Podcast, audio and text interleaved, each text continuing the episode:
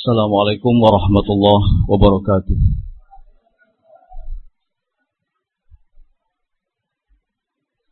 إن الحمد لله نحمده تعالى ونستعينه ونستغفره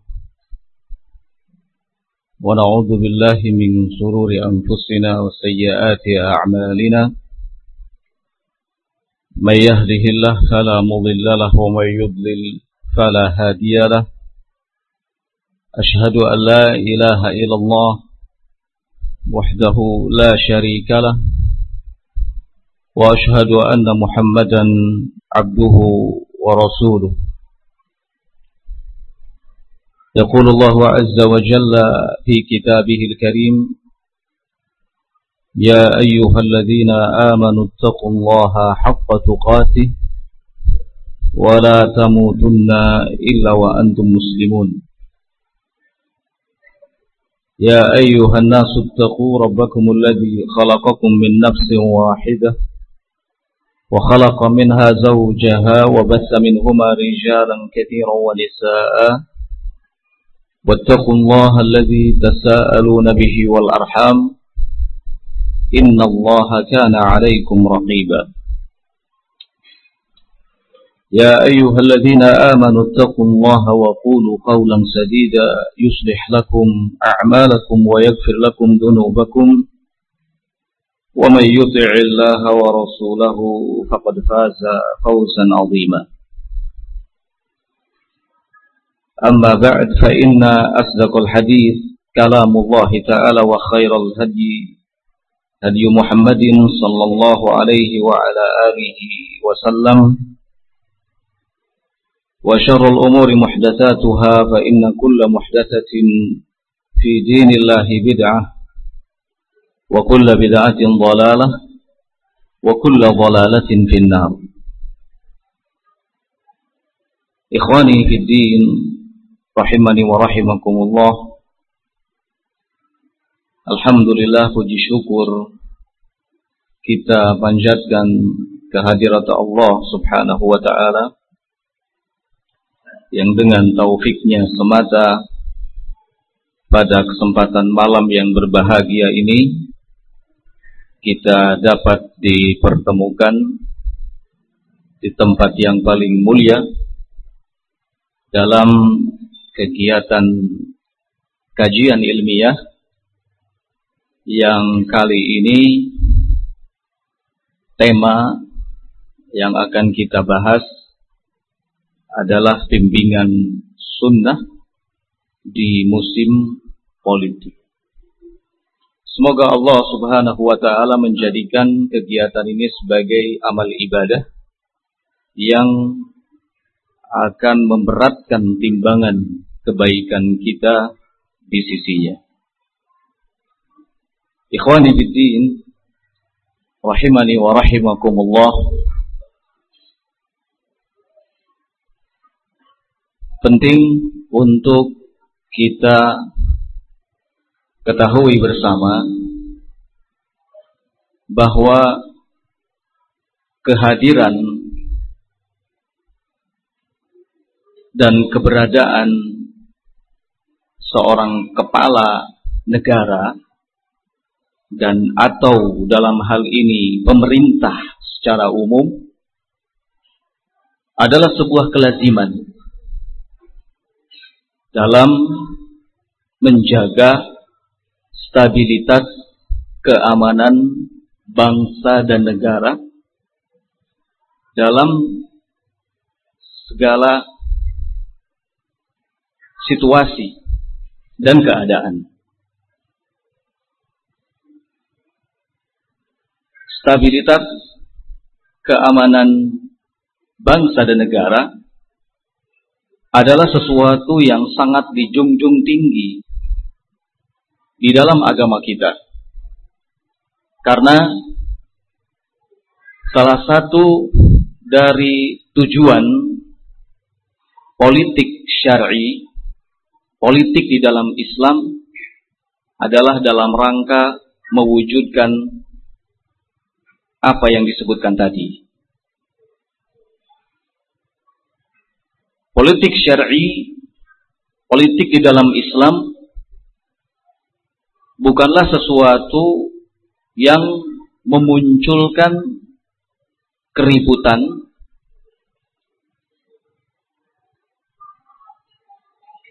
kegaduhan kedustaan dan tindakan-tindakan yang negatif lainnya. Akan tetapi adanya politik di dalam Islam itu semata-mata menciptakan situasi dan kondisi yang kondusif, aman, tentram, kemaslahatan dunia dan kemaslahatan din bisa berjalan dengan baik.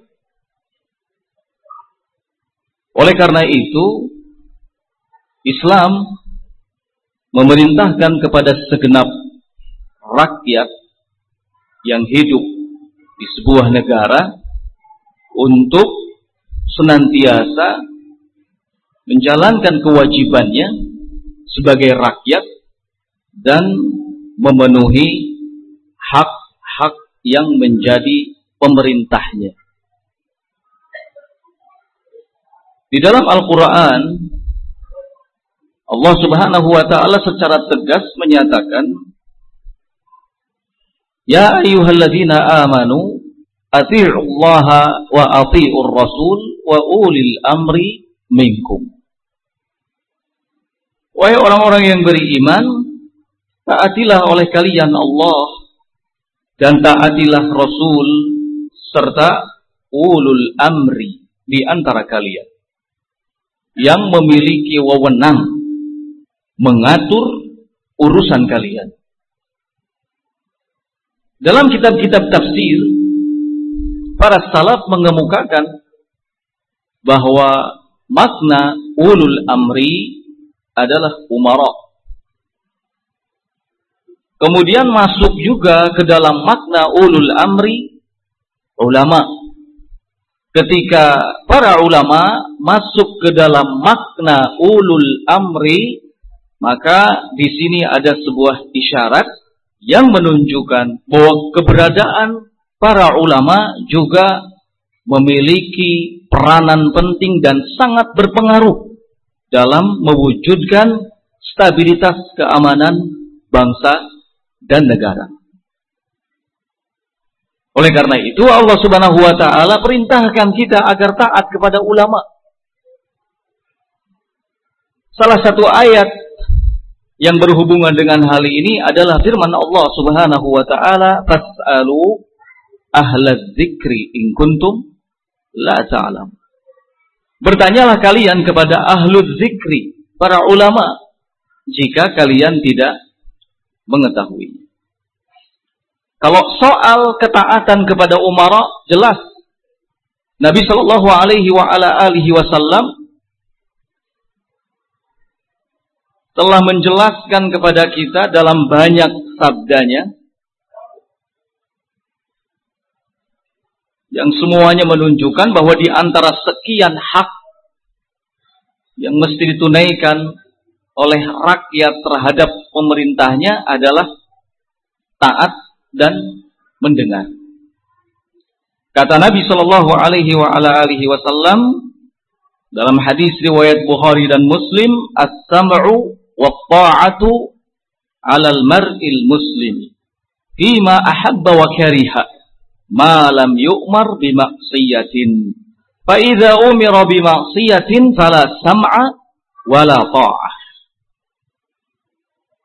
Wajib atas setiap muslim untuk memberikan ketaatan dan sikap mendengar kepada pemerintahnya dalam perkara yang disukainya ataupun pada perkara-perkara yang tidak disukainya selama tidak disuruh untuk melakukan kemaksiatan. Fa'idha umira bima'siyatin, namun jika disuruh untuk melakukan kemaksiatan, falasam awal ta'ah, maka tidak ada sikap mendengar, tidak ada kewajiban untuk taat. Coba lihat di sini bagaimana indahnya politik di dalam Islam. Ketaatan yang mutlak itu hanya diberikan kepada Allah dan Rasulnya. Adapun ketaatan kepada ulul amri yang mempunyai wewenang untuk mengatur urusan kita, ini tidak secara mutlak. Kata Nabi Shallallahu Alaihi Wasallam, "Ida umiro bimaksiatin." Kalau rakyat disuruh untuk melakukan kemaksiatan, lasam awal maka tidak ada kewajiban untuk mendengar, juga tidak ada kewajiban untuk taat. Sehingga dalam situasi apa pun, maslahat din dan maslahat dunia itu berjalan secara bersamaan. Kemaslahatan din tetap bisa dicapai dan kemaslahatan dunia juga demikian. Dalam riwayat lain, Nabi Shallallahu Alaihi Wasallam diriwayatkan oleh Imam Bukhari dan Muslim menyatakan innamat ta'atu fil ma'ruf. Sesungguhnya ketaatan itu hanya ada dalam perkara-perkara yang ma'ruf. Dalam perkara-perkara yang baik. Ikhwan rahimani wa rahimakumullah, para ulama seperti Syekh Muhammad bin Saleh Al Utsaimin rahimahullah taala beliau mengatakan bahwa perintah waliul amr itu ada tiga macam. Yang pertama, perintah waliul amr yang sesuai dengan syariat Allah Azza wa terkait dengan ketaatan-ketaatan kepada Allah Azza wa. Hukum menaatinya adalah wajib. Jadi yang pertama. Kemudian yang kedua, perintah waliul amr yang berhubungan dengan perkara-perkara yang mubah, kemaslahatan duniawi, kebaikan untuk segenap rakyat, hukum menaatinya adalah wajib. Dan yang ketiga, perintah waliul amr yang cenderung mengandung kemaksiatan kepada Allah Azza wa Jalla. Hukum menaatinya haram. Hukum menaatinya haram. Ikhwan ibn rahimani wa rahimakumullah. Sekali lagi, waliul amr adalah pihak yang memiliki wewenang untuk mengatur urusan kita. Ketaatan yang diberikan kepadanya adalah ketaatan yang tidak mutlak. Dalam perkara-perkara yang ma'ruf saja. Adapun ketika mereka memerintahkan kepada perkara-perkara yang mengandung maksiat, maka tidak ada kewajiban untuk taat. Ya. Menjalankan atau melakukan sesuatu untuk mendapatkan maslahat duniawi tidak boleh melanggar maslahat din, maslahat ukhrawi. Karena itu tidak sejalan dengan politik di dalam Islam. Politik di dalam Islam itu maslahat din dunia bisa dicapai dengan baik dan maslahat din tidak dilanggar. Kedua-duanya berjalan secara bersamaan. Nabi Shallallahu Alaihi Wasallam dalam hadis riwayat Muslim menyatakan alaika as-sam'u wa ta'ah. Fi usrika wa yusrika. Wajib bagimu untuk senantiasa taat dan mendengar. Fi usrika wa yusrika. Baik dalam keadaan kamu susah maupun senang. Wa man syafiqa wa makrahika. Dalam keadaan kamu rela ataupun terpaksa. Wa asaratin alaika. Bahkan di saat ada tindakan yang semena-mena dilakukan terhadapmu. Tetap kamu wajib taat dan mendengar. Ini bimbingan Nabi Sallallahu Alaihi wa ala alihi wasallam. Maka yuhani fiddin rahimani wa rahimakumullah umara dan ulama yang keduanya masuk dalam kategori waliul amr itu harus bersinergi. Masing-masing dari keduanya melaksanakan apa yang menjadi hak dan kewajibannya dengan baik. Umara mengurusi urusan negara, kemaslahatan-kemaslahatan untuk rakyatnya yang bersifat duniawi. Sedangkan ulama ngurusi urusan-urusan yang berhubungan dengan din. Kalau umaroknya baik, ulamanya juga baik, maka akan terwujud kemaslahatan. Kemaslahatan din dan kemaslahatan dunia. Imam Ibn Mubarak rahimahullahu taala beliau mengatakan sinfani minan nas. Idza salaha salahan nas wa idza fasada fasadan nas qila man hum?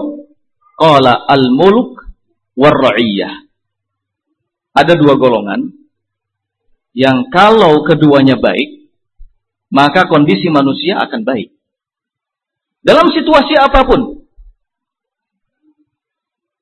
tapi kalau keduanya rusak maka manusia akan rusak Kemudian beliau ditanya, siapa mereka dua golongan itu? Kata Imam Ibnu Mubarak rahimahullahu taala al-muluk war Para raja dan rakyat. Kepala negara eh, para raja al-muluk wal ulama. Para raja dan para ulama. Kepala negara dan ulama.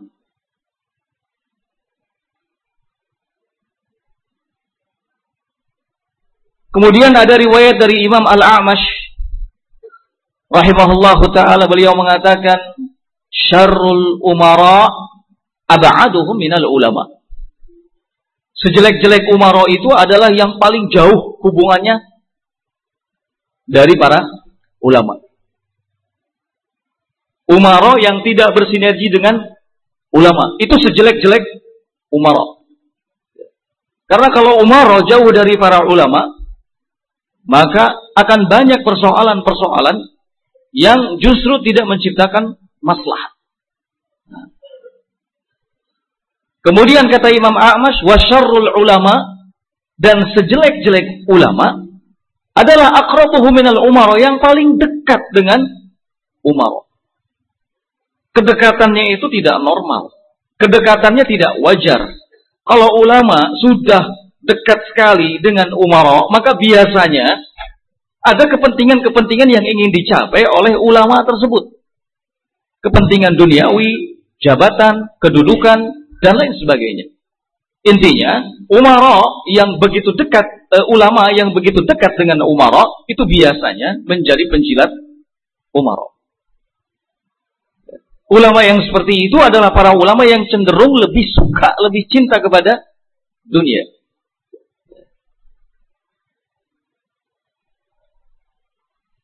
Jadi sekali lagi, sejelek-jelek umaro adalah yang paling jauh hubungannya dengan para ulama. Dan sejelek-jelek ulama adalah yang paling dekat hubungannya dengan umaro. Lalu harus bagaimana? Masing-masing dari keduanya memiliki hak dan kewajiban. Ulama harus melaksanakan tugas, kewajiban, dan haknya. Demikian juga umaro. Kalau sudah tidak sinkron antara ulama dengan umaro dalam sebuah negara, maka tidak akan terwujud apa yang disebut dengan stabilitas keamanan bangsa dan negara. Umaro butuh kepada ulama. Kalau kepala negara yang menjadi pendampingnya para ulama, samping kanan kiri depan belakangnya ulama, insya Allah terjaga. Jalannya lurus. Demikian juga para ulama, kalau baik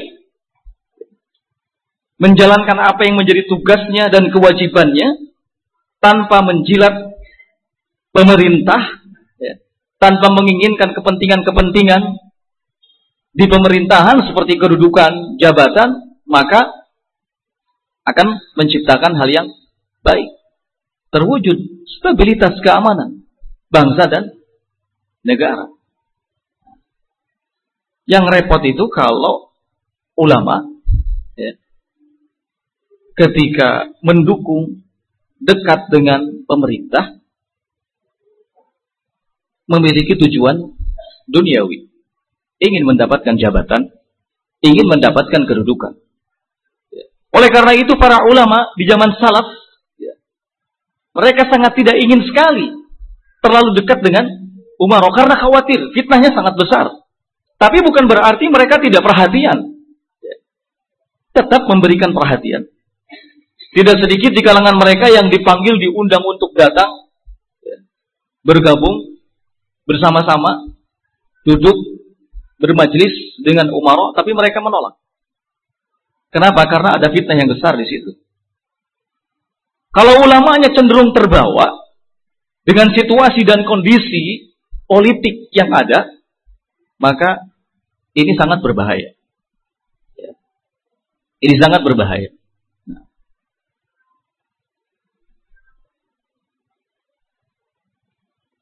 Ulama yang seperti itu adalah ulama yang cinta dunia.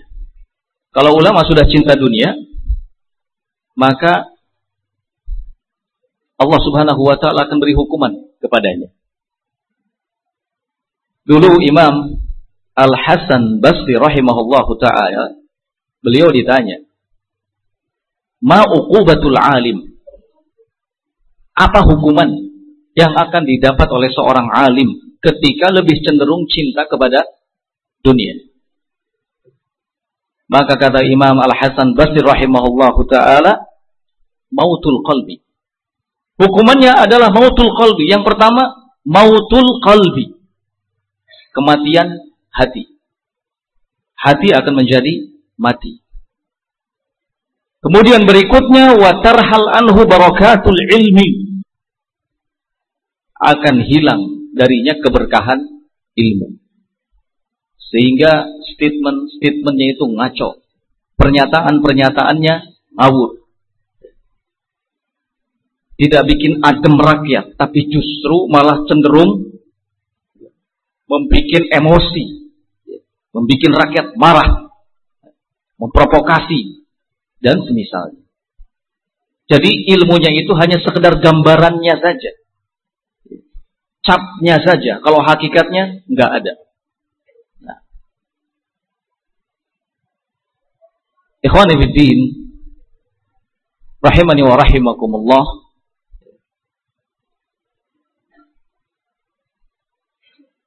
Hak pemerintah yang wajib ditunaikan oleh rakyat selain taat dan mendengar adalah luzumul jamaah. Menjaga persatuan dan kesatuan. Menjaga persatuan dan kesatuan, kemudian menghindari perpecahan serta pemberontakan. Ya.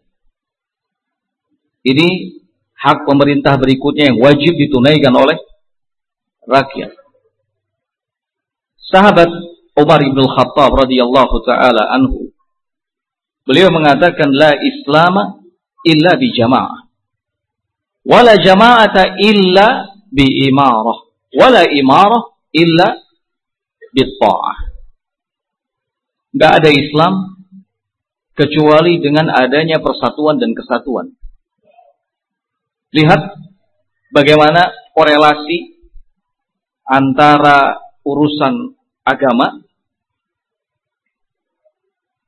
dengan kemaslahatan duniawi. Enggak ada Islam kecuali dengan adanya persatuan dan kesatuan. Ini gambaran bahwa politik di dalam Islam bertujuan menciptakan persatuan dan kesatuan, bukan perpecahan, bukan saling menjatuhkan, tapi menciptakan persatuan dan kesatuan. Enggak ada Islam kecuali dengan adanya persatuan dan kesatuan. Di dalam Al-Quran banyak sekali ayat-ayat di mana Allah Subhanahu wa taala menghimbau khususnya kaum muslimin mukminin untuk berusaha mewujudkan persatuan dan kesatuan. La Islam illa bi jamaah, wala jamaah illa bi imarah. Dan tidak ada yang disebut dengan persatuan dan kesatuan kecuali dengan adanya imarah, dengan adanya kepemimpinan, dengan adanya waliul amr, Ketika ada waliul amr, ada yang disebut dengan persatuan dan kesatuan. Kalau tidak ada waliul amr, maka mereka rakyat ini akan bersatu di atas apa?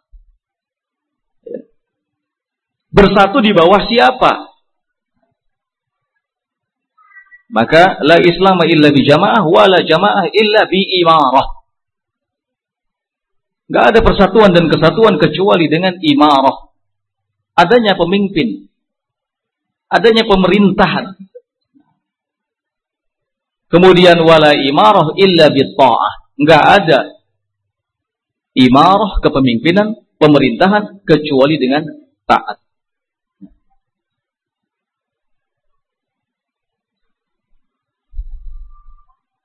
Tiga perkara yang disebutkan oleh Umar bin Khattab radhiyallahu taala anhu ini saling berkaitan. Jamaah, persatuan dan kesatuan, kemudian imarah, pemerintahan, lalu taat. Kalau ini sudah terwujud, maka Islam akan tegak. Islam akan nampak.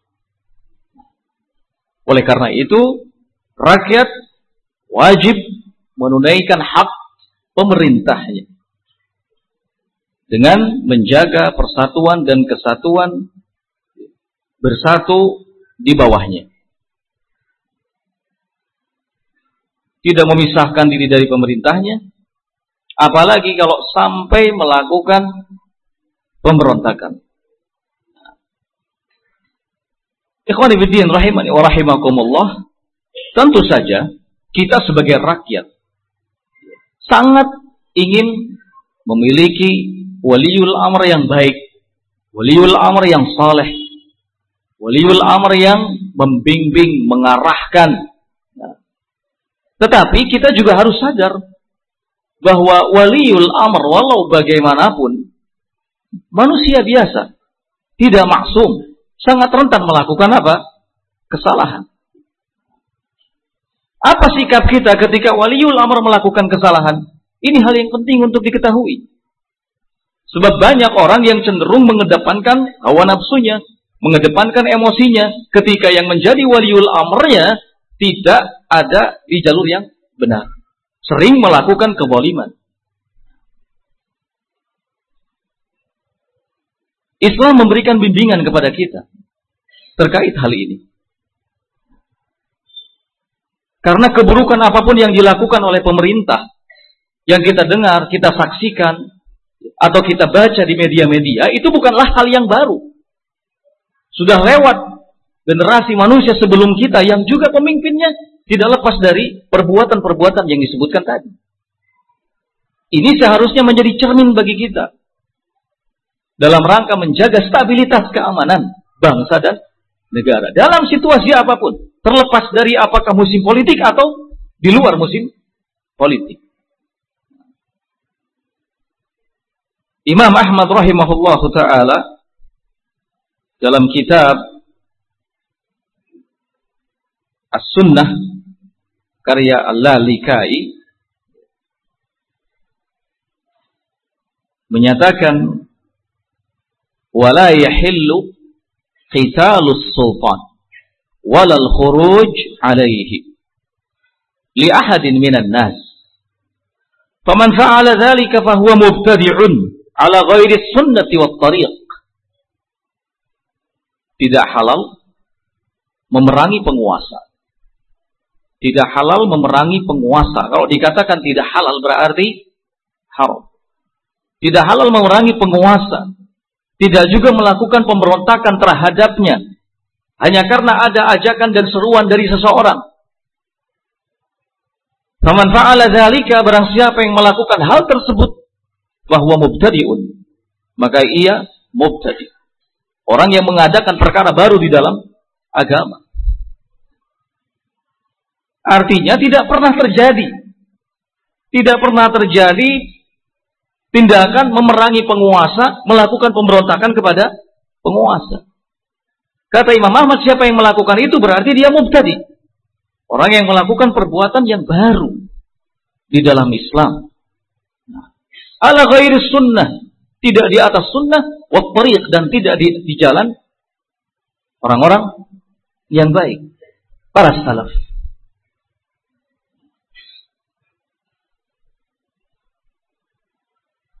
Imam Ahmad rahimahullahu taala mengatakan hal ini secara mutlak. La yahillu qitalus sultan, enggak halal memerangi penguasa walal khuruj alaihi dan melakukan pemberontakan terhadapnya. Secara mutlak tidak disebutkan alasannya. Apa pun alasannya, hukumnya asalnya tidak halal.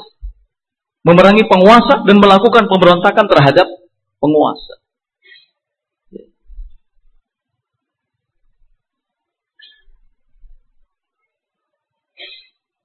Ini pernyataan beliau.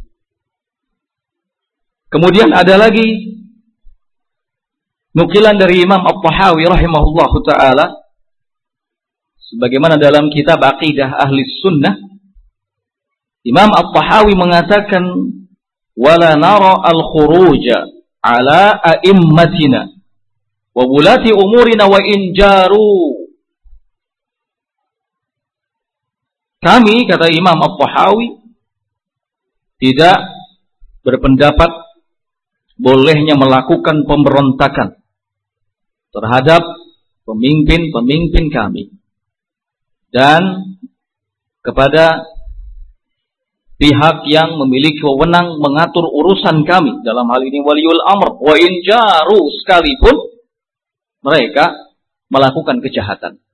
Lihat. Imam At-Tahawi mengatakan wa in jaru sekalipun mereka melakukan kejahatan.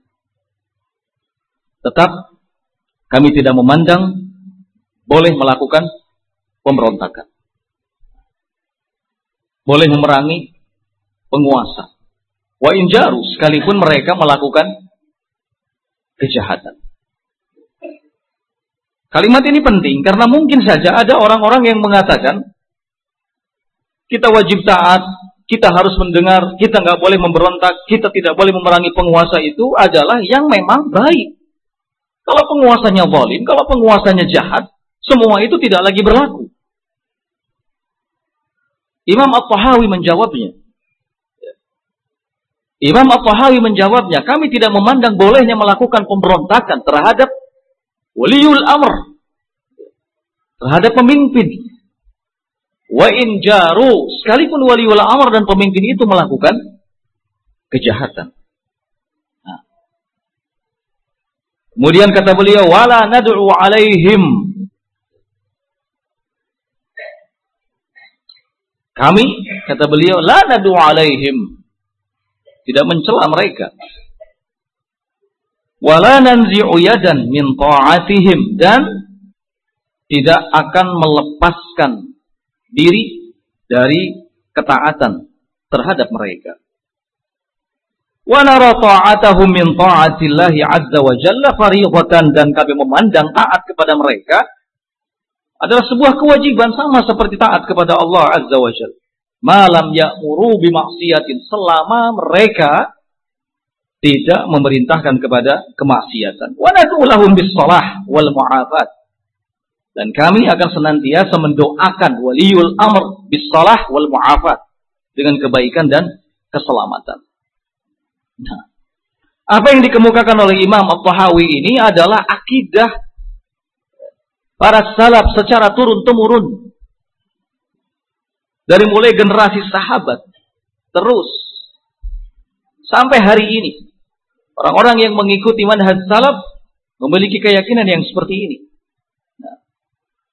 Ini adalah keyakinan yang sudah lama. Bukan hal yang baru. Jangan merasa aneh ketika ada orang-orang yang memiliki keyakinan seperti ini di zaman sekarang. Di saat banyak orang justru menampakkan kekecewaan yang dalam terhadap pemerintah, bahkan cenderung ingin melakukan pemberontakan, mengkudeta, dan lain sebagainya. Justru apa yang terjadi belakangan ini adalah sesuatu yang tidak pernah ada contohnya sebelumnya. Jangan kemudian berpikir ini urusan dunia. Tidak ada hubungannya dengan urusan din. Ini pemikiran yang salah. Kalau seandainya ini urusan dunia, tidak ada kaitannya dengan urusan din, niscaya Nabi SAW tidak akan memberikan arahannya kepada kita. Nabi memberikan arahan kepada kita untuk seperti ini, sikap yang baik terhadap pemerintah. Berarti urusan negara adalah urusan agama.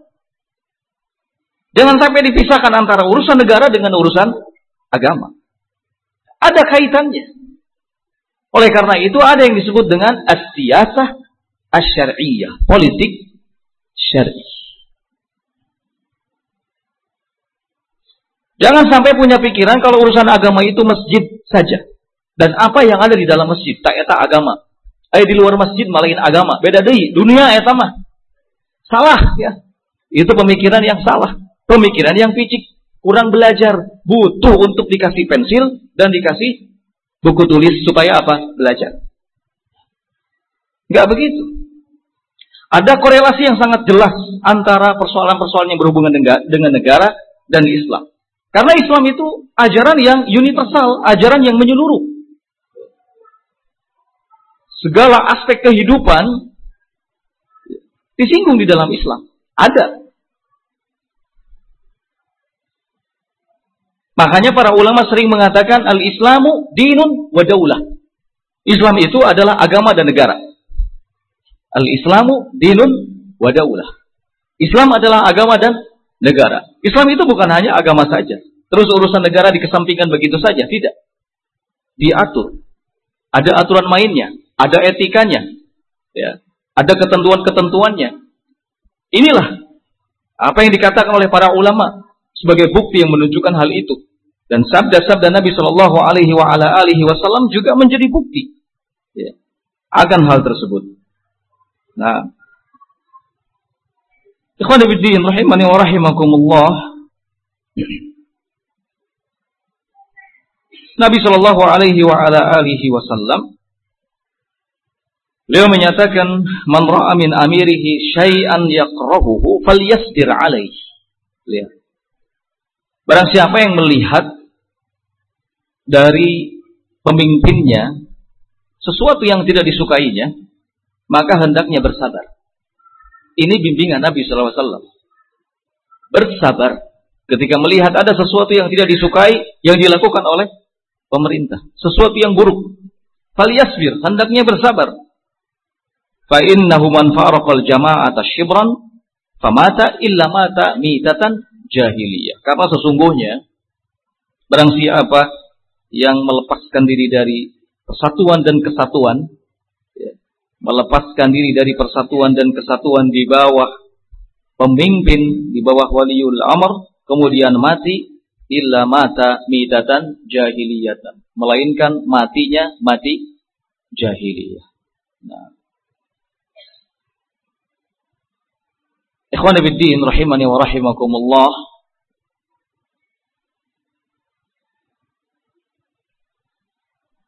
Kepala negara atau dalam hal ini pemerintah secara umum adalah pihak yang tidak boleh untuk diperangi, diperontak ketika didapati adanya kefasikan atau tindakan-tindakan yang jahat. Selama kefasikan dan tindakan-tindakan yang jahatnya itu tidak sampai kepada kekafiran. Selama tidak sampai kepada kekafiran. Adapun kalau kepala negara atau pemerintahan dalam hal ini adalah kepala negara yang kafir, baik kafirnya itu kafir asli, memang dari awalnya sudah kafir, atau murtad, ya, maka boleh untuk memberontaknya, boleh untuk menggulingnya, boleh untuk menggantinya, jika memang itu menjadi satu-satunya solusi yang terbaik. Ya. Jika memang itu menjadi solusi yang terbaik. Tapi kalau sampai ternyata bukan jadi solusi yang terbaik, sebagai rakyat tetap menampakkan sikap taat. Tapi dalam perkara yang ma'ruf. Kalau dalam perkara yang maksiat, tidak. Nah, subhanallah, bagaimana Nabi Shallallahu Alaihi Wasallam memberikan arahan, memberikan wejangan yang sangat jauh sekali ke depan. Sebelum segala sesuatunya terpikirkan oleh kita. Sebelum segala sesuatunya terjadi. Karena tidak menutup kemungkinan yang akan jadi penguasa bukan orang yang baik. Tidak menutup kemungkinan yang akan jadi penguasa kita bukan orang yang baik. Orang-orang yang fasik atau bahkan kafir. Nabi Shallallahu Alaihi Wasallam memberikan bimbingan. Inna ta'atu fil ma'ruf. Sesungguhnya ketaatan itu hanya terkait dengan perkara yang ma'ruf. Kalau pemerintah menyuruh kita melakukan perkara yang berbau kemaksiatan atau jelas-jelas maksiat, maka lasam awala toh nggak ada sikap taat dan mendengar. Lihat bagaimana jelasnya bimbingan beliau sallallahu alaihi wasallam.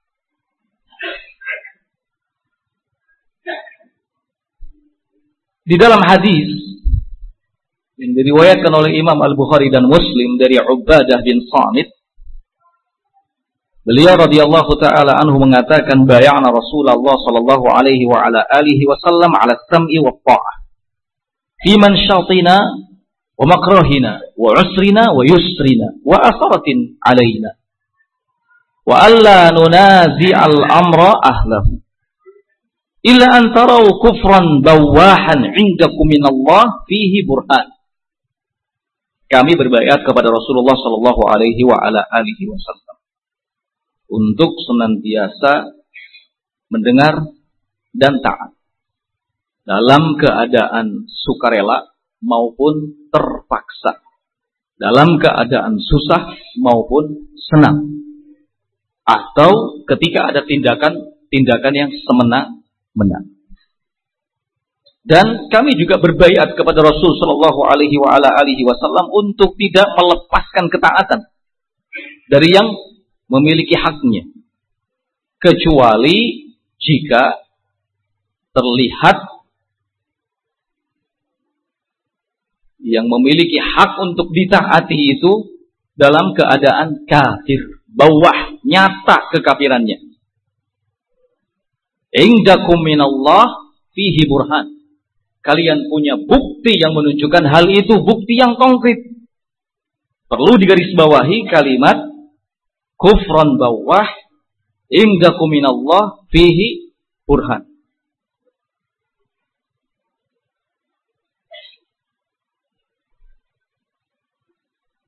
Kata sahabat Ubadah bin Samit, kami berbayat kepada Rasulullah SAW untuk tidak mencabut ketaatan kepada pihak yang memang wajib ditaati yaitu waliul amr. Kecuali kalau pada diri waliul amr itu nampak kekufuran yang nyata, kufran bawah yang bisa dipertanggungjawabkan di hadapan Allah Azza wa Jalla. Kalimat kufran bawah penting untuk diperhatikan. Kekafiran yang ada pada pemerintah yang tidak wajib lagi ditaati adalah kekafiran yang nyata. Satu yang bisa dijadikan hujah, ada bukti. Ya. Ada bukti yang menunjukkan hal itu dan bisa dipertanggungjawabkan nanti di hadapan Allah Azza wa Jalla.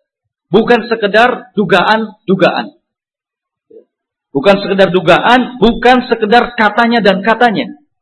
Katanya waliul amr, katanya di ini kepala negara melakukan ini, melakukan itu. Bukan dugaan, bukan sangkaan-sangkaan, bukan kilawakal, katanya dan katanya. Bukan sekedar membaca dari internet. Baca dari internet ada berita bahwa kepala negara ini melakukan tindakan kekufuran ini ini ini ini ini. Tapi betul-betul apa? Indakum minallah fihi burhan. Nyata, jelas, ada bukti yang menunjukkan hal itu. Bukan juga hanya sekedar ketika waliul amr itu melakukan hubungan kerjasama dengan negara-negara kafir. Kalau itu kemudian dijadikan sebagai satu alasan bahwa waliul amr kita telah kafir, ini sebuah kesalahan. Ya. Ini sebuah kesalahan. Nah. Jadi waliul amr yang secara total kita tidak boleh taati adalah waliul amr yang kafir, nyata kekafirannya. Ya. Nyata kekafirannya. Nampak jelas semua orang menyaksikan, melihat. Bukan sekedar apa? Berita. Bukan sekedar katanya dan katanya. Karena sudah sunnatullah akan banyak isu-isu, berita-berita yang beredar terkait dengan waliul amr.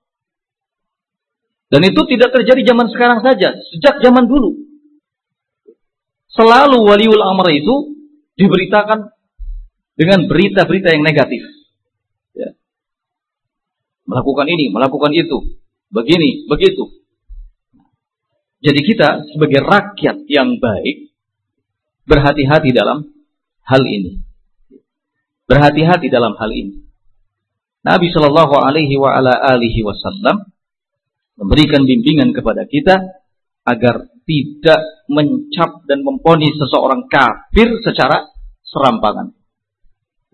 Mengqala li akhihi ya kafir barang siapa yang mengatakan kepada saudaranya wahai kafir memponis kafir maka ponis tersebut ada dua kemungkinan.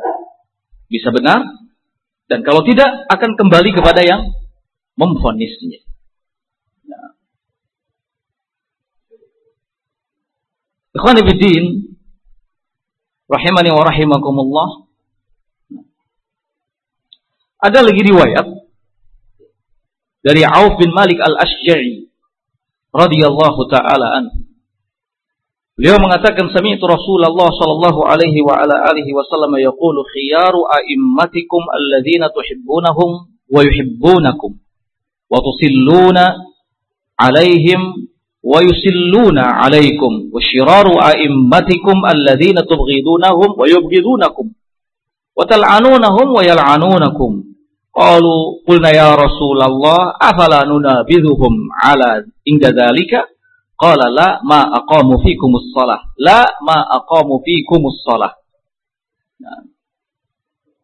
Ala man waliya alaihi walin fara'ahu ya'ti syai'an min ma'siyatin falyakrah ma ya'ti min ma'siyatillah wa la yanzi'anna yadan min ta'atin. Kata Malik atau Auf bin Malik al-Ashja'i, saya mendengar Rasulullah Shallallahu Alaihi wa ala alihi Wasallam bersabda, "Khiyaru a'immatikum." Sebaik-baik pemimpin kalian adalah yang kalian mencintainya dan dia mencintai kalian. Kalian memiliki hubungan yang baik dengannya dan dia pun memiliki hubungan yang baik dengan kalian. Dan sejelek-jelek pemimpin kalian adalah yang kalian membencinya dan dia pun membenci kalian. Kalian mencelaknya, kalian melaknatnya dan dia pun mencela dan melaknat kalian.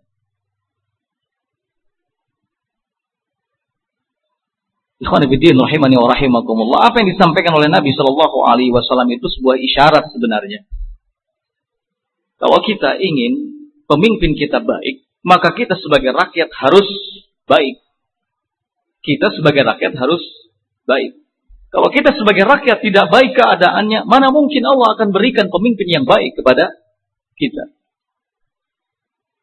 Allah mengatakan kadzalika nuwalli ba'dahum ba'dhan. Demikianlah kami jadikan sebagian dari mereka itu menjadi pemimpin bagi sebagian yang lain sesuai dengan apa yang dikerjakan, sesuai dengan apa yang diamalkan. Kalau kita zalim, kita sering melakukan pelanggaran terhadap Allah, maka pemimpin yang akan ada di tengah-tengah kita adalah yang tidak jauh beda keadaannya. Kata Nabi SAW, sebaik-baik pemimpin kalian adalah yang kalian cintai. Kalian cinta kepadanya dan dia cinta kepada kalian. Kalian berhubungan baik dengannya dan dia berhubungan baik dengan kalian. Dan sejelek-jelek pemimpin kalian adalah yang kalian benci dia dan dia pun benci kepada kalian. Kalian celah dia, dia pun mencela kalian. Jadi kita sebagai rakyat harus introspeksi diri.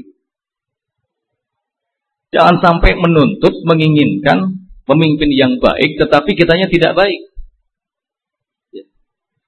Ini juga sama ikhwah. Ya, ada korelasi dengan soal politik syari. Ya.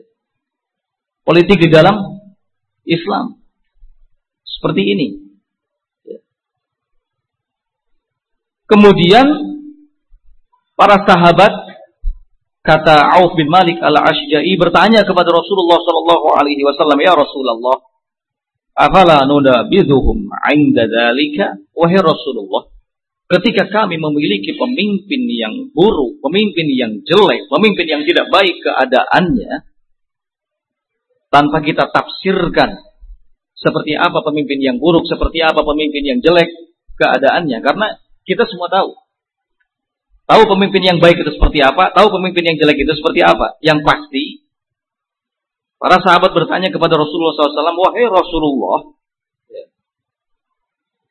kalau seandainya kita dapati pemimpin yang jelek, pemimpin yang buruk, bolehkah kita memeranginya? Bolehkah kita memeranginya? Bolehkah kita melakukan pemberontakan terhadapnya? Bolehkah kita mengkudetaknya? Kata Rasul sallallahu alaihi wa ala alihi wasallam, "La, jangan. Ma aqamu fikumus shalah selama pemimpin kalian itu menegakkan salat." La ma aqamu fikumus shalah diulangi oleh Nabi sallallahu alaihi wasallam. Jangan selama pemimpin kalian itu menegakkan sholat. Lihat, ini bimbingan Nabi Shallallahu Alaihi Wasallam. Penting untuk diperhatikan di masa-masa seperti ini. Ya. Kaum muslimin semuanya wajib kembali kepada bimbingan sunnah, bimbingan Nabi Shallallahu Alaihi Wasallam. Kalau memang yang diinginkan itu adalah kebaikan, hanya yang jadi masalah sekarang ini suaranya menginginkan kebaikan, tapi di balik itu ada kepentingan tertentu. Ini yang jadi masalah. Ya. Kebanyakan seperti itu.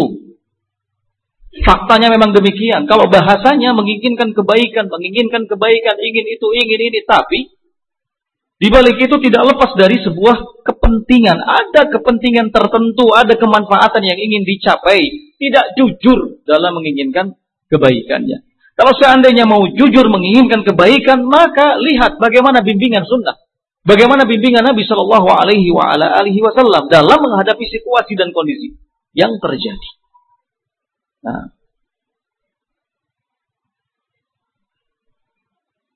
Kemudian kata beliau Shallallahu Alaihi Wasallam, ala ketahuilah man waliya alaihi walin Barang siapa yang urusannya dipimpin oleh seorang pemimpin, kemudian dia melihat pemimpinnya itu melakukan sesuatu dari kemaksiatan, falyakrah ma ya'ti min ma'siyatillah. Maka hendaknya dia benci kemaksiatan yang dilakukannya. Wala yanzi'anna yadan min ta'atin dan jangan sekali-kali mencabut ketaatan, melepaskan ketaatan. Lihat. Sabar.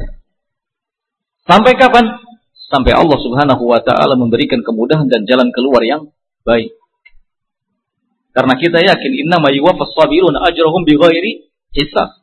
Sesungguhnya Allah Subhanahu wa taala itu akan menyempurnakan pahalanya bagi siapa? Bagi yang sabar tanpa hisab. Ya. Tanpa ada hitungan. Jadi kuncinya sabar. Benci kemaksiatan yang dilakukannya. Jangan melakukan tindakan-tindakan yang merugikan. Jangan melepaskan ketaatan. Jangan melakukan pemberontakan.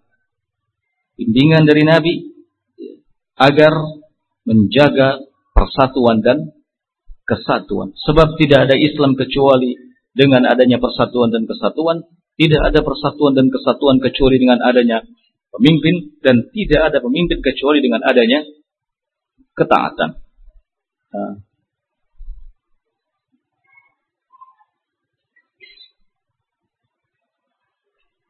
Selanjutnya ikhwan fillah rahimani wa rahimakumullah.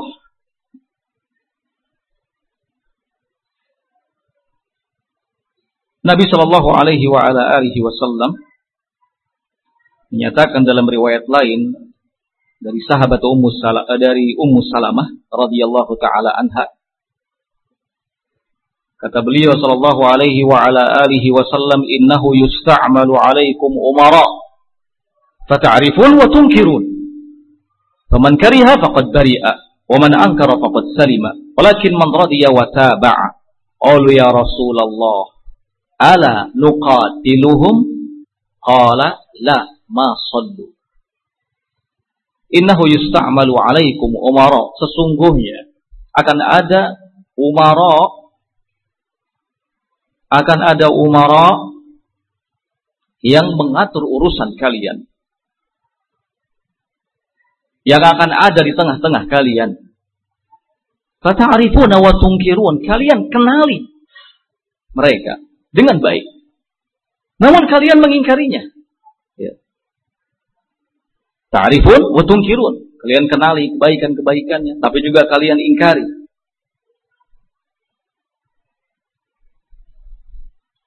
Ini satu isyarat lagi dari Nabi Shallallahu Alaihi Wasallam bahwa kemungkaran-kemungkaran yang dilakukan oleh Umar adalah sesuatu yang tidak hanya terjadi di zaman sekarang kita ini, tapi juga sudah terjadi di zaman yang sebelumnya.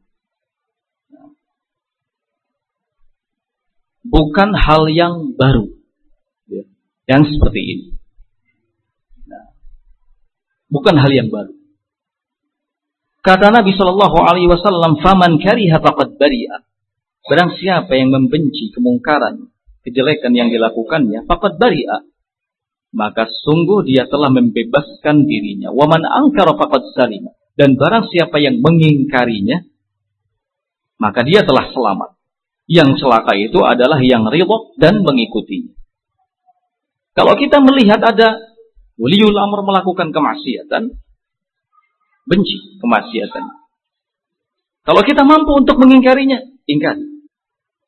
Dalam artian nasihati. Ya, ingatkan.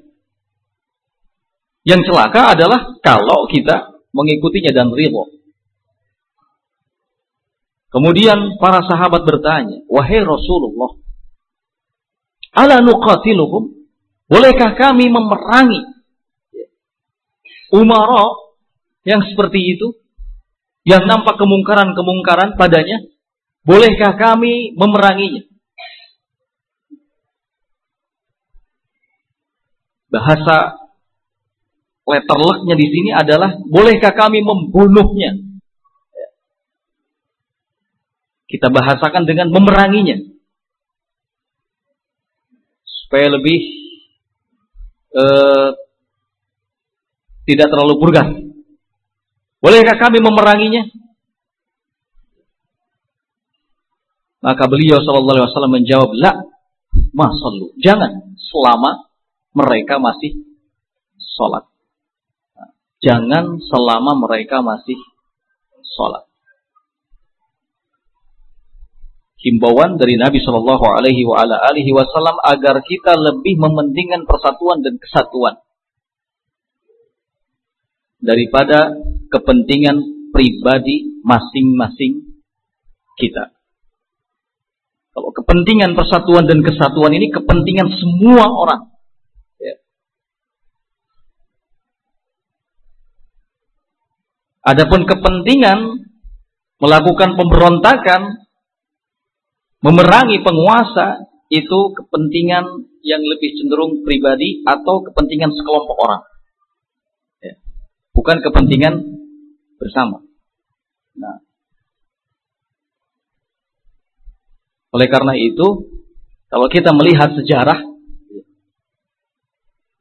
sejarah perjalanan kaum muslimin dari sejak dulu, kita bisa mengetahui bahwa yang selalu memiliki semangat melakukan pemberontakan dan memerangi penguasa adalah sekelompok orang. Tidak semua, sekelompok orang yang dikenal dengan sebutan khawarij atau haruri. Nah,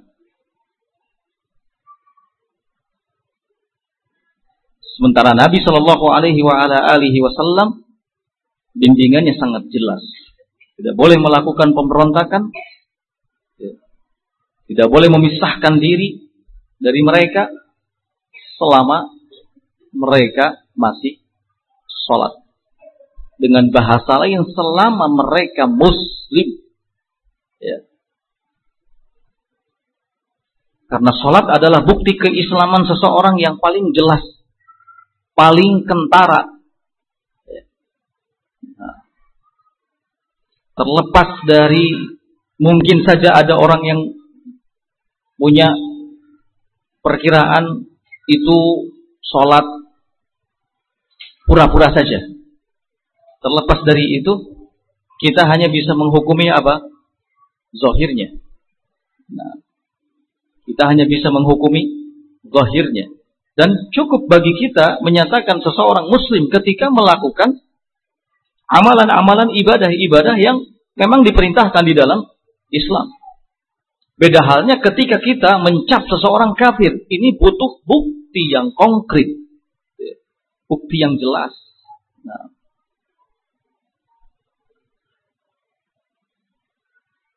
Ikhwani rahimani wa. Hak berikutnya yang wajib ditunaikan oleh rakyat dalam rangka mewujudkan stabilitas keamanan bangsa dan negara. Di setiap keadaan adalah menasehati waliul amr menasehati pemerintah sirran secara tertutup birifqin walidin dengan penuh kelembutan dan pelan-pelan. Ya, penuh kelembutan dan pelan-pelan. Tidak boleh menyampaikan nasihat untuk waliul amr secara terbuka, terang-terangan, menyebutkan kesalahan-kesalahannya, menampakkan pengingkaran terhadapnya. Ini bukan nasihat. Ini provokasi namanya. Dan nasihat bukanlah provokasi. Provokasi bukanlah nasihat. Agama kita, ikhwan bidin, rahimani wa rahimakumullah, adalah agama yang dibangun di atas ajaran nasihat. Dan nasihat ini berlaku untuk semua. Nabi mengatakan ad-dinun nasihah. Agama ini adalah nasihat. Qulna liman kata para sahabat. Bagi siapa wahai Rasul? Qala lillah wa li kitabihi wa li rasulihi wa li a'immatil muslimina wa 'ammatihim. Lihat secara khusus Rasulullah Shallallahu alaihi wasallam dalam jawabannya menyebutkan li a'immatil muslimin untuk para pemimpin. Waliul amr yang muslim. Wa ammatihim dan untuk segenap manusia rakyat. Nah. jadi kalau begitu nasihat adalah salah satu pondasi. Salah satu pondasi yang penting dalam agama kita. Hak yang wajib ditunaikan oleh rakyat terhadap pemerintahnya Ini juga salah satu tujuan dari adanya siasat syariah politik yang syar'i. Adanya munasohah. Adanya munasohah. Saling nasihat, menasehati. Bukan menjatuhkan, bukan melanggar kehormatan. Tapi munasohah. Menjaga kebaikan. Menjaga kebaikan. Mengawal setiap orang sesuai dengan kedudukan dan jabatannya. Nah. Dalam banyak hadis Nabi Shallallahu Alaihi Wasallam menjelaskan hal ini seperti disebutkan dalam hadis dari Suhaib bin Abi Saleh an abihi an Abi Hurairah radhiyallahu taala anhu anna Rasulullah sallallahu alaihi wasallam qala dari sahabat Abu Hurairah Rasulullah Shallallahu Alaihi wa ala alihi Wasallam bersabda Inna Allah yardha lakum talata Innallaha yardalakum salasan. Sesungguhnya Allah Subhanahu wa taala meridhai kalian dalam tiga perkara. Wa yaskhatu lakum dan membenci kalian dalam tiga perkara. Yardalakum an ta'buduhu wa la tusyriku bihi syai'a. Allah ridho kepada kalian ketika kalian beribadah hanya kepadanya saja dan tidak menyekutukannya dengan sesuatu apa pun. Wa anta atasimu bihablillahi jami'an. Yang kedua, Allah ridho kepada kalian ketika kalian berpegang teguh kepada talinya semuanya. Nah, wa antanasahu man wallahu Allahu amrakum. Dan menyampaikan nasihat kepada pihak yang telah Allah Subhanahu wa taala jadikan mengurusi urusan urusan kalian. Tiga perkara. Dalam hadis itu Nabi SAW secara khusus menyebutkan yang terakhir yang ada hubungan dengan pembahasan wa antarasahu man wallahu Allahu amrakum. Menyampaikan nasihat kepada pihak yang memiliki wewenang mengurusi urusan kalian. Dalam hal ini waliul amr. Lakum thalathan. Kemudian kata Nabi, Allah membenci kalian dalam tiga perkara. Apa itu? Idha'atul mal. Yang pertama, idha'atul mal menghambur-hamburkan harta, menggunakan harta untuk sesuatu yang tidak bermanfaat. Kemudian berikutnya yang kedua, kasratus soal, banyak bertanya, menyampaikan pertanyaan-pertanyaan yang tidak penting, tidak bermanfaat, menanyakan segala sesuatu yang belum terjadi. Yang ketiga, qila waqal. Banyak bicara. Banyak bicara, menyampaikan hal-hal yang tidak bermanfaat. Nah, ikhwan fillah rahimani wa rahimakumullah. Dalam riwayat lain, Nabi Shallallahu alaihi wa ala alihi wasallam kembali menegaskan dalam Musnad Ahmad kata Nabi Shallallahu alaihi wa ala alihi wasallam salatu khisalin la yaghillu alaihinna qalbu muslimin abadan ada tiga perkara. Ada tiga perkara la yaghilu alaihi qalbu muslimin abadan. Yang dengan ketiga perkara itu tidak akan ada lagi kedengkian, tidak akan ada lagi hasad dalam hati seorang muslim. Apa tiga perkara yang dimaksud? Pertama, ikhlasul amal lillah. Mengikhlaskan semua amalan hanya untuk mendapatkan ridho Allah meraih wajah Allah Azza wa Kalau seseorang ketika melakukan sesuatu lillah ikhlas karena Allah, maka nggak akan pernah ada lagi yang namanya kedengkian, hasad di dalam hati. Apa pun yang didapatkannya. Sekalipun apa yang diamalkannya itu tidak memberikan keuntungan dalam urusan-urusan dunia, tapi ya, karena amalannya sudah ikhlas karena Allah, maka nggak akan ada rasa dengki di dalam hati. Mual menyesal. Ya.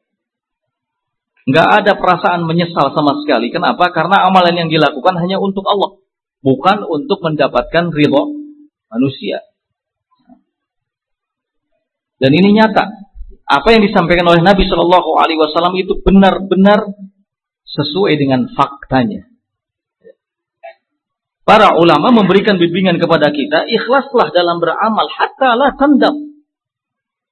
Supaya engkau tidak menyesal. Ya. Supaya engkau tidak menyesal.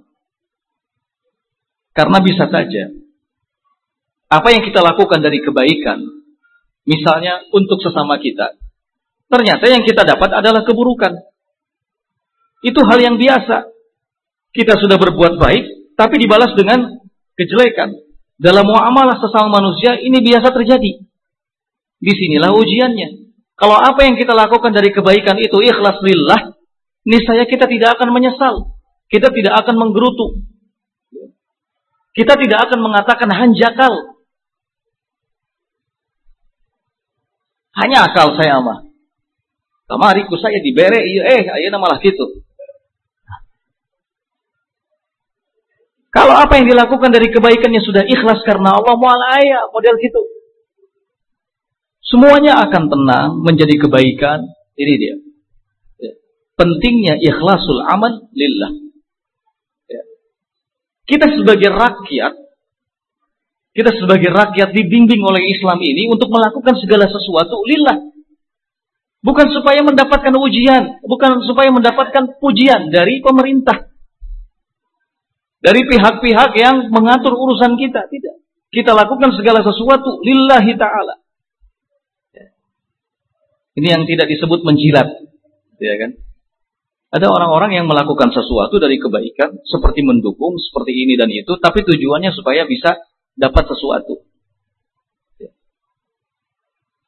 Kita harus ikhlas lillah. Urusannya bukan soal jabatan. Urusannya bukan soal kedudukan. Tapi soal bagaimana kita mendapatkan ridho Allah Azza wa Jal. Itu saja, selesai. Gak akan ada rasa penyesalan, tidak akan ada rasa dengki dalam hati. Ini yang pertama. Kemudian yang berikutnya kata Nabi Shallallahu Alaihi Wasallam, "Wanasahatu wulatil umur." Menasehati wulatul umur. Pemerintah. Kalau kita benar-benar jujur menasehati wulatul umur, maka tidak ada rasa penyesalan. Nggak akan ada rasa dendam, benci.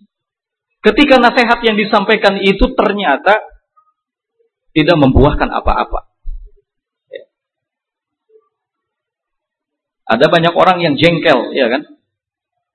Ini pemerintah ini bagaimana ya?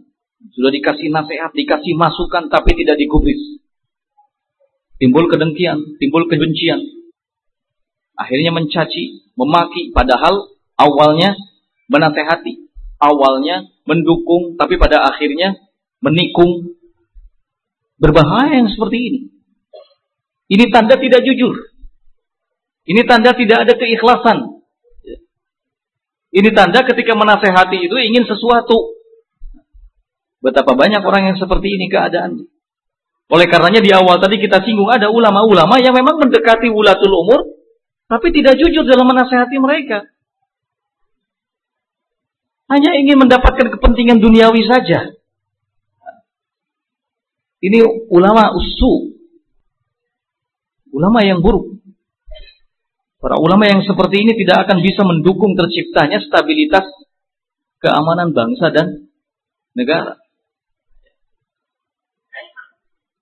Kalau kita ingin hati tentram, nggak ada kedengkian, nggak ada kebencian, maka setiap kali melihat ada keburukan yang dilakukan oleh waliul amr dan bisa menasehatinya, nasehati. Urusan diterima nasihat itu atau tidak, ini urusan belakangan. Kalau diterima nasihat itu, alhamdulillah. Kalaupun tidak, tetap kita melaksanakan apa yang menjadi haknya pemerintah. Kalau ada hak kita yang tidak dipenuhi oleh pemerintah kita, maka minta kepada Allah. Minta kepada Allah Azza wa Jalla. Ini sikap seorang mukmin, rakyat militan yang hebat, yang bagus, itu seperti ini. Rakyat yang pemberani itu bukan rakyat yang sedikit-sedikit berontak, sedikit-sedikit perang, sedikit-sedikit ini. Nah, Rakyat yang baik itu adalah rakyat yang berusaha menciptakan stabilitas keamanan, ketentraman, kebaikan bersama. Makanya yang dilakukan adalah selalu mendoakan kebaikan untuk siapa? Untuk waliul amr. Untuk pemimpin. Kalau segala sesuatu dihadapi dengan emosi, maka nggak akan pernah ada akhirnya. Nggak akan pernah ada akhirnya. Ya. Kan ironis kalau seandainya ada pemimpin dipilih oleh kita. Kita milih pemimpin ini. Masya Allah bagus ini dan itu. Ketika sudah jadi pemimpin, melakukan kesalahan-kesalahan, melakukan pelanggaran-pelanggaran, kemudian kita ingkari. Kita celak. Kita musuhi. Bahkan ingin kita memberontaknya. Sementara dia jadi pemimpin adalah karena kita yang mendukungnya. Hati-hati. Di sini letak pertanggungjawabannya di hadapan Allah Azza wa Jalla. Oleh karena itu, Mintalah kepada Allah Azza wa Jalla agar Allah memberikan kepada kita pemimpin yang baik. Selain itu, lakukan perbaikan diri. Benahi diri kita, keluarga kita, anak-anak kita, masyarakat kita, lingkungan kita. Ini yang wajib dilakukan. Karena kebaikan itu akan terwujud secara bertahap. Nggak akan langsung. Kita tidak akan pernah bisa menuai kalau kita tidak pernah menanam.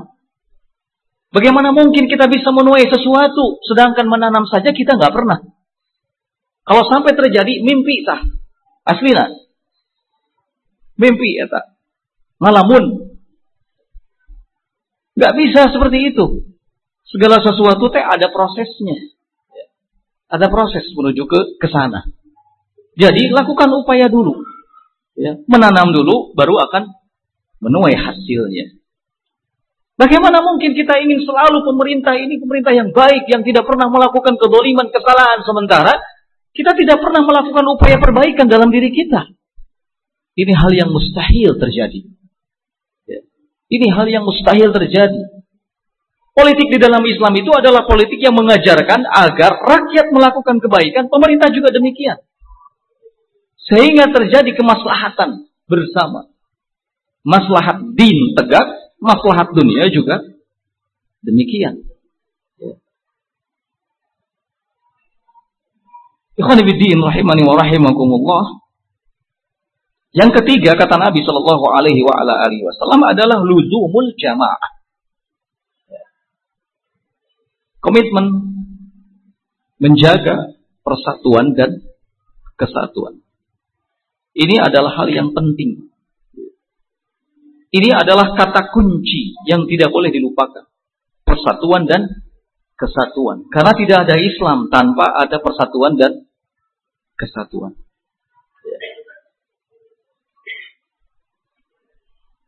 Banyak orang yang bahasanya kan menjaga persatuan, menjaga kesatuan, tapi pada prakteknya jauh dari itu. Persatuan dan kesatuan itu jangan hanya dijadikan sebagai slogan saja. Sebagai simbol saja. Tidak. Tapi harus betul-betul diwujudkan. Dalam bentuk yang nyata. Jelas. Kentara.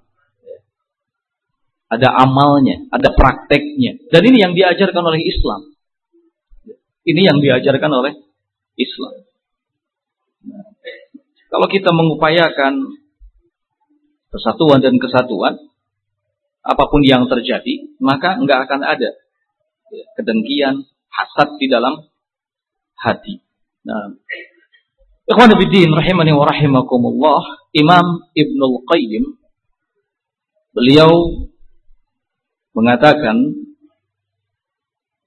Nahyuhu sallallahu alaihi wa ala alihi wasallam an kitalil umara wal khuruj alaihim wa in zalamu aw jaru ma aqamus salah saddan lidari'atil fasadil azim wa syarril kathir biqitalihim kama huwa al-waqi larangan Nabi Shallallahu alaihi wa ala alihi wasallam soal memerangi penguasa, memerangi waliul amr dan melakukan pemberontakan terhadap mereka sekalipun mereka jahat ya, dan bolim selama mereka menegakkan sholat adalah dalam rangka menutup celah terjadinya kerusakan yang besar dan keburukan yang besar akibat dari memerangi mereka.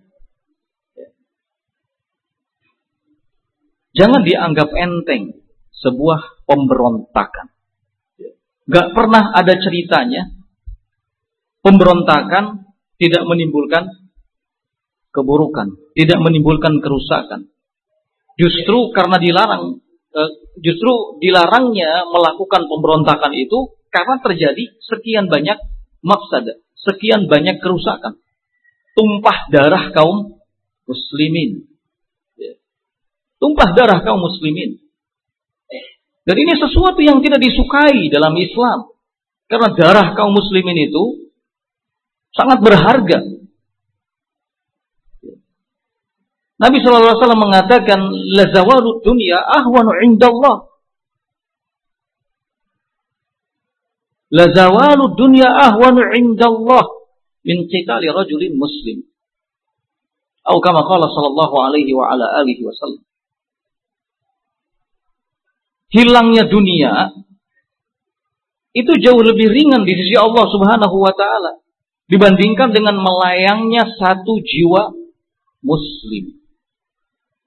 Lihat. Darah kaum muslimin itu adalah perkara yang besar. Perkara yang serius. Mendapatkan perhatian yang besar di dalam agama kita. Dan pemberontakan itu selalu menumpahkan darah. Banjir darah. Sejarah telah membuktikan hal itu. Sekian banyak terjadi pemberontakan-pemberontakan. Sejak zaman dulu. Selalu hasil akhirnya adalah keburukan dan keburukan. Tumpah darah kaum muslimin. Dan ini sesuatu yang sekali lagi tidak sesuai dan tidak sejalan dengan ajaran Islam. Maka kata Imam Ibnu Qayyim rahimahullah taala, larangan Nabi sallallahu alaihi wasallam melakukan apa? memerangi pemerintah, melakukan pemberontakan, sekalipun mereka jahat, sekalipun mereka walim, selama mereka melakukan sholat, itu dalam rangka menutup celah terjadinya apa? Kerusakan yang lebih besar. Ya. Menghilangkan satu kemungkaran itu butuh untuk ditahan terlebih dahulu jika memang akan melahirkan kemungkaran yang lebih besar. Betul setiap kemungkaran mesti diingkari. Ya. Tetapi juga harus mengetahui efek maslahat dan mudaratnya. Jangan sampai niatnya mengingkari satu kemungkaran, ternyata yang terjadi sekian banyak kemungkaran. Nah.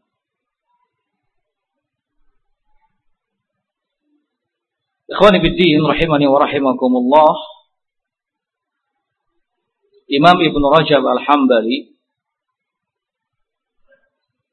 dalam kitab Jami'ul Ulum wal Hikam beliau mengatakan Wa amma as-sam'u wa ta'atu li wulati umuri muslimin fa fiha sa'adatu dunya wa biha tantadhimu masalih al-ibad fi ma'ayishihim wa biha yasta'inuna ala idhari dinihim wa ta'ati rabbihim. Imam Ibn Rajab menyinggung kembali soal pentingnya taat kepada waliul amr, pentingnya mendengar kepada waliul amr dan ini juga sebagai upaya menjaga apa? persatuan dan kesatuan. Ya, sebab tidak ada Islam kecuali dengan adanya persatuan dan kesatuan. Tidak ada persatuan dan kesatuan kecuali dengan adanya imarah, kepemimpinan. Dan tidak ada imarah, kepemimpinan kecuali dengan adanya ketaatan. Yes. Ya. Dalam hal itu kata Imam Ibn Rajab Al-Hambali rahimahullah ta'ala sa'adatul dunia terhadap terdapat kebahagiaan di dunia dan teraturnya segala urusan hamba dalam kehidupannya. Nah. Maka ikhwan fillah rahimani wa rahimakumullah hal yang penting bagi kita sebagai rakyat menunaikan apa yang menjadi hak pemerintah kita. Nah, taat, mendengar, tidak melakukan pemberontakan, tidak memerangi penguasa, menjaga persatuan dan kesatuan, kemudian menyampaikan nasihat dengan cara yang baik. Selain itu juga mendoakan, ya, mendoakan penguasa, mendoakan pemerintah kita dengan doa-doa kebaikan. Nah, kita sudah tahu pemerintah melakukan kesalahan, ketika pemerintah melakukan kesalahan, doakan agar pemerintah memperbaiki diri dari kesalahan yang dilakukannya selain menasehatinya. Jangan ketika melihat pemerintah melakukan kesalahan kemudian dijadikan sebagai salah satu alibi untuk menjatuhkan kehormatannya. Ya. Menjatuhkan kehormatannya, meremehkannya, mengajak untuk tidak menampakkan sikap taat dan mendengar kepadanya. Ini sesuatu yang keliru. Para salaf dahulu mereka tidak pernah lupa dari mendoakan kebaikan untuk penguasa. Kenapa? Karena kebaikan mereka adalah kebaikan bagi rakyat. Kebaikan mereka adalah kebaikan bagi rakyat, kebaikan bagi bangsa dan negara dalam situasi apa pun, ya. Dalam situasi apa pun tidak boleh bagi kita untuk lupa mendoakan kebaikan bagi penguasa. Bahkan di sisi ahlus sunnah wal jamaah mendoakan kebaikan bagi penguasa itu menjadi ciri, ya, menjadi bukti benarnya keislamannya. Nah, seperti disebutkan dalam kitab Syarhus Sunnah oleh Imam Al-Barbahari rahimahullahu taala kata beliau wa idza ra'aitar rajul kalau engkau melihat ada seseorang yad'u 'ala sultan mencela penguasa, mengajak untuk melakukan pemberontakan kepada penguasa, ya. mendoakan kejelekan kepada penguasa, fa'lam annahu sahibu hawa. Ketahuilah bahwa dia pengikut hawa nafsu.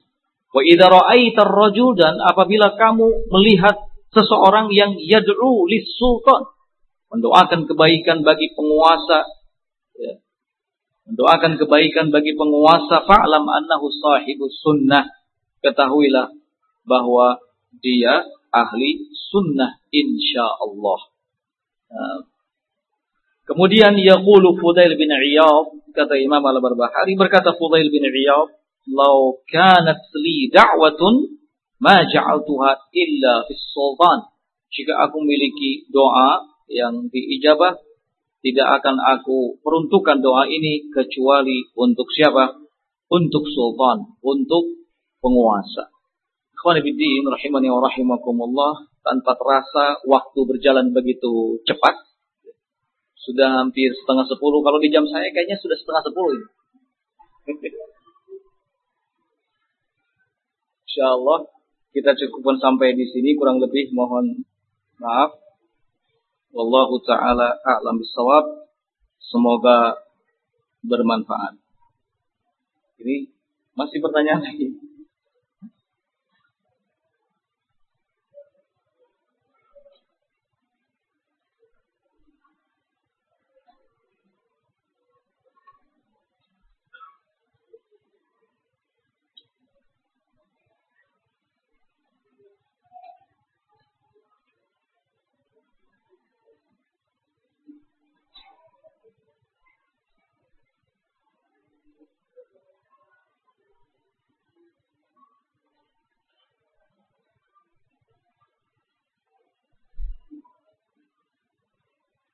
Bagaimana menanggapi para hizbi yang berkata taat pada pemimpin itu hanya kepada pemimpin yang menegakkan syariat Islam atau khilafah. Sudah kita jelaskan sebenarnya tadi. Sudah kita singgung sebetulnya tadi. Ya.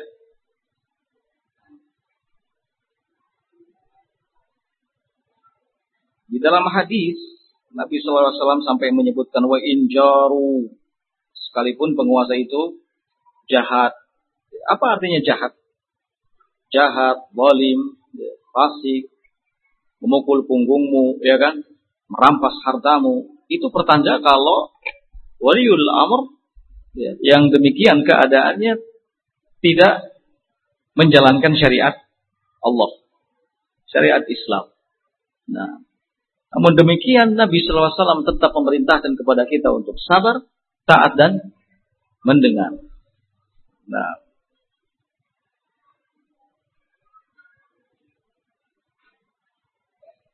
Ada banyak pertanyaan-pertanyaan yang sudah saya duga sebelumnya pasti akan menanyakan hal itu, sehingga saya juga sudah antisipasi untuk tidak menjawabnya. Ya.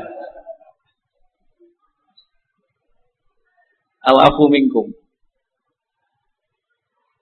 Boleh kamu membaca berita-berita politik di media sosial, di internet, di mana di sini ada hal-hal yang membicarakan kejelekan pemerintah. Ini juga hal yang sudah kita singgung.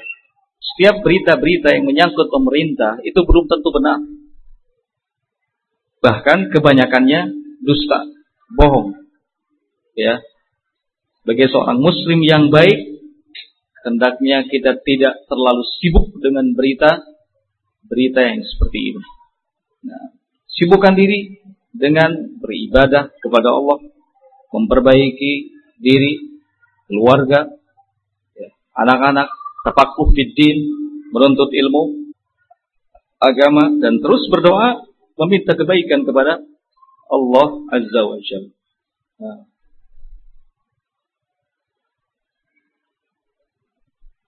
Wah,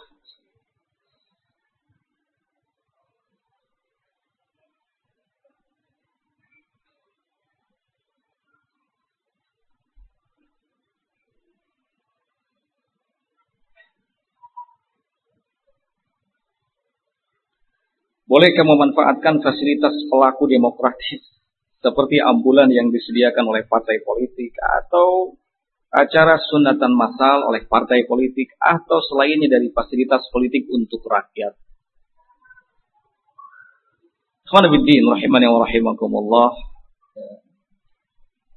Sebetulnya fasilitas-fasilitas yang disebutkan tadi secara umum pemerintah kita juga sudah menyiapkannya.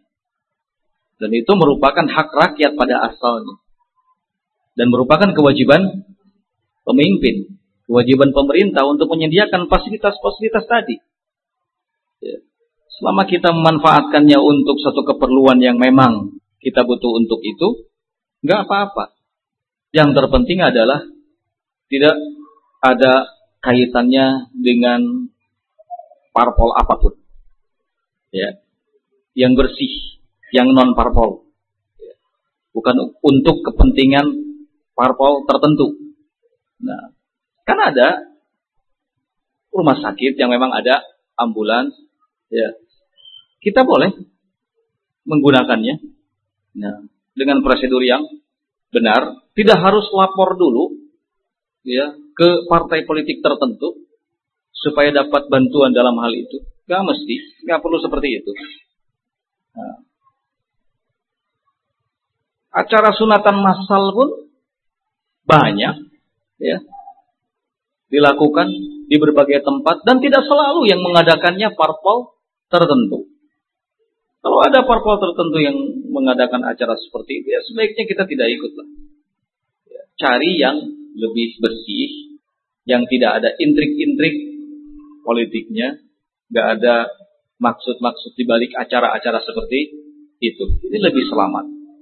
Nah. Sunatan masal masalahnya gratis, iya. Tapi sunat juga murah kan, tidak terlalu mahal ya nggak?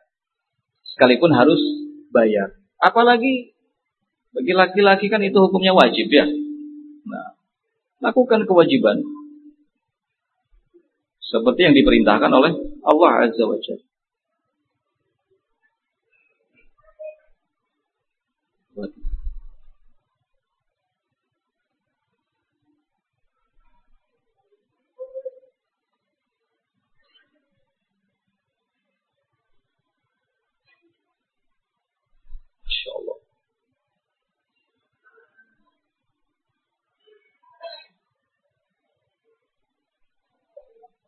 Ini pertanyaan dari Umahat. Pertanyaan dari Umahat itu lebih adem. Gak panas. Ya. Misalnya di sini. Bagaimana hukumnya jika suami tidak sholat berjamaah di masjid? Ini kan situasinya tidak memanas gitu. Jadi kalau pertanyaan yang tadi, masya Allah, semuanya ini perang. La ilaha illallah. Sudah tahu keutamaannya sholat berjamaah tapi sering meninggalkannya. Nah, ini. Dengan alasan di masjid itu berisik. Bikin tidak khusuk. Istri sudah mengingatkan. Nah, apa pun itu, ikhwan fiddin rahimani wa rahimakumullah. Apa yang disampaikan oleh istri adalah nasihat yang baik, benar. Seorang suami tentunya harus memperhatikan hal ini. Sholat berjamaah di masjid hukumnya wajib. Ya. Hukumnya wajib terlepas dari ada hal-hal yang mungkin bisa mengganggu apa? kekhusyuan, tapi itu bukan satu-satunya alasan untuk kemudian meninggalkan sholat berjamaah di masjid. Ya. Segala hal yang bisa mengganggu kekhusyuan sholat itu bisa diantisipasi sebenarnya. Ya, bisa di, diantisipasi. Nah, oleh karena itu jangan bermudah mudahan dalam hal ini. Nah, Masya Allah. Ini ada pertanyaan yang diberi judul penting. Ini urgent. Top urgent kayaknya. Masya Allah.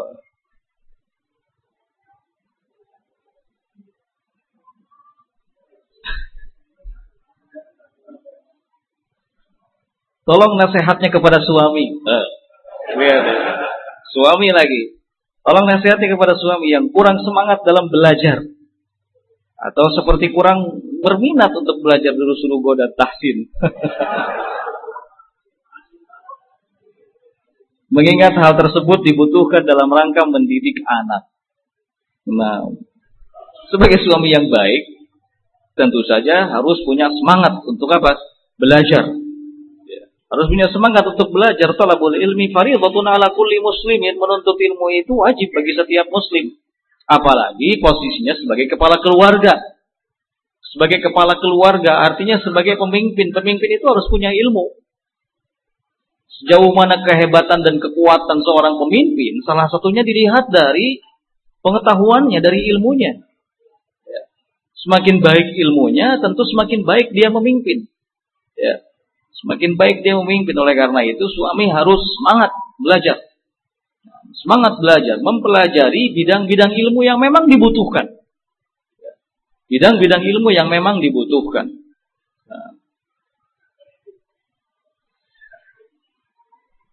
Jadi tolong perhatikan hal ini. Bagus ada nasihat dari istri untuk suami dan itu bukan hal yang salah. Sekalipun suami sebagai pemimpinnya, yang namanya kesalahan itu bisa saja dilakukan oleh siapa pun terlepas dari pemimpin atau bukan. Karena kullu bani Adam khata.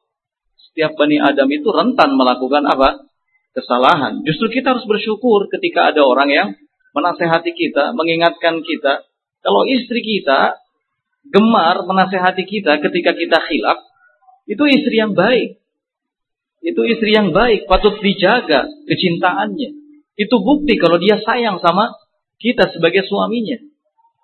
Mungkin kita merasa berat menerima, mendengar nasihat dari teman kita, dari sesama kita. Ya. Tapi kalau dari istri kita, seharusnya kita lebih menerima.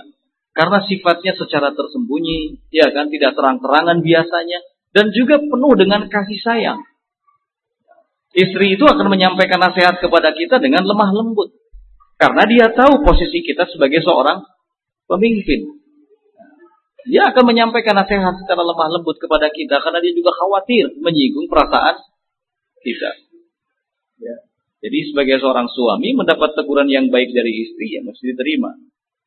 Jadilah sebagai seorang suami yang baik, ya. berani menasehati dan siap menerima nasihat.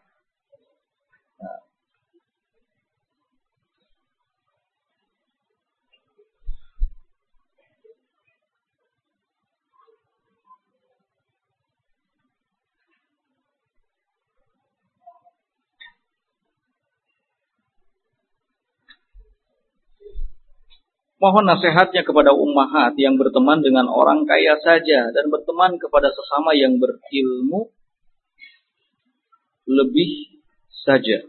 Nah. Nabi Shallallahu Alaihi Wasallam sesungguhnya sudah menyinggung soal ini dalam sabda beliau, la tusahib illa mu'min wa la ya'kul ta'amaka illa. Jangan kamu berteman kecuali dengan seorang mukmin dan jangan sampai ada yang memakan makananmu kecuali orang yang bertakwa. Jadi prioritaskan keimanan dan ketakwaan. Orang yang mesti jadi teman kita adalah orang yang memang punya keimanan yang baik dan ketakwaan yang baik kepada Allah Azza wa Jal.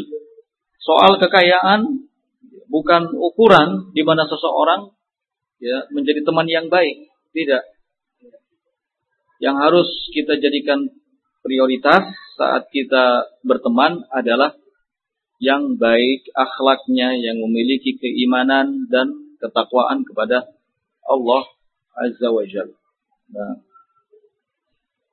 insya Allah ini pertanyaan banyak sekali. Mudah-mudahan di lain waktu ya, bisa kita bahas kembali. Untuk sementara ini saya cukupkan sampai di sini. Wallahu taala a'lam bissawab. Subhanakallahumma bihamdik, asyhadu an la ilaha illa anta, astaghfiruka wa atubu ilaik. Alamin. Assalamualaikum warahmatullahi wabarakatuh.